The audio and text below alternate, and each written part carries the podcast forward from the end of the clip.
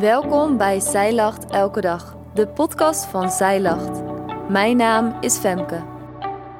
Dit is de overdenking van 13 januari, geschreven door schrijfster Suzanne Verschoor. Psalm 24, geschreven door David, heeft de titel Intocht van de Here. Op het moment dat ik deze overdenking schrijf, duurt het nog ruim twee weken tot de intocht van Sinterklaas. In elke stad en in ieder dorp zal een hulp Sinterklaas zijn intrede doen. Ben jij wel eens bij zo'n intocht geweest? Kinderen zingen en dansen, iedereen is blij en voelt wat gezonde spanning.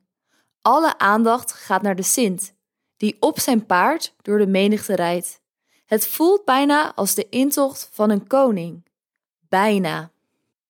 Een fictieve man, als Sinterklaas, ontvangt al zoveel eer. Dan moet toch een klein tipje van de sluier zijn van het feest dat zal plaatsvinden bij de intocht van de grote koning. De koning die daadwerkelijk bestaat, altijd heeft bestaan en altijd zal blijven bestaan. Psalm 24 staat: Een psalm van David. De aarde is van de Heer en al wat zij bevat, de wereld en wie er wonen. Want hij heeft haar gegrondvest op de zeeën en haar vastgezet op de rivieren. Wie zal de berg van de Heer beklimmen? Wie zal staan in zijn heilige plaats? Wie rein is van handen en zuiver van hart, wie zijn ziel niet opheft tot wat vals is en niet bedrieglijk zweert. Hij zal zegen ontvangen van de Heere en gerechtigheid van de God van zijn hel. Dat is het geslacht van hen die naar hem vragen, die uw aangezicht zoeken. Dat is Jacob. Hef uw hoofd op, o poorten, en verhef u, eeuwige deuren, opdat de koning der ere binnengaat. Wie is deze koning der ere? De Heere sterk en geweldig. De Heere, geweldig in de strijd. Hef uw hoofd op, o poorten, ja, verhef ze, eeuwige deuren, opdat de koning der ere binnengaat. Wie is hij, deze koning der ere? De Heere van de legermachten.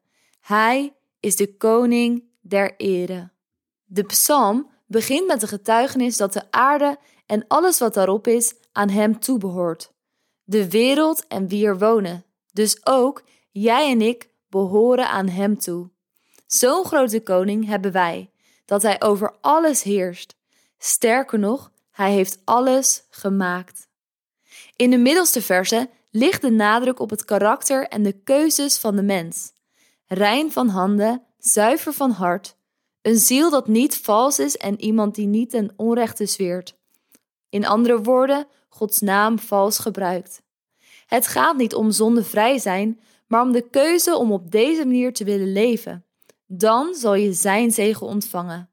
Ik geloof dat de intocht van God groter zal zijn dan alles wat we ooit hebben gezien.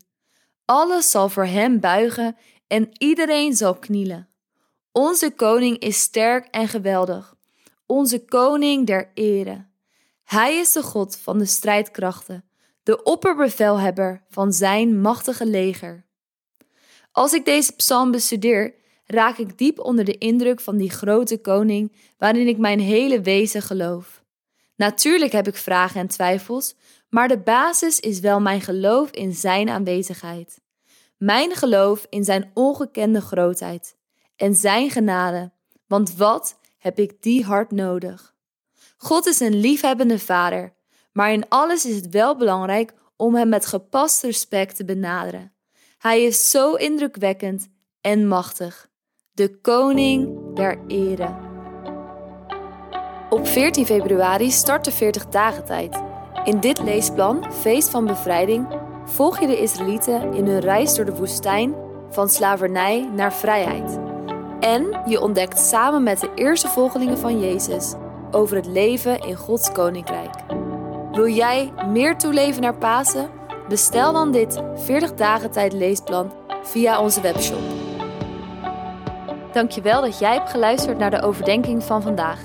Wil je de overdenking nalezen? Check dan onze website. Je vindt er ook meer toffe dingen die jou helpen om de Bijbel vaker te openen, zoals boeken, Bijbels, cursussen en evenementen. Morgen ben ik weer bij je terug met een nieuwe overdenking.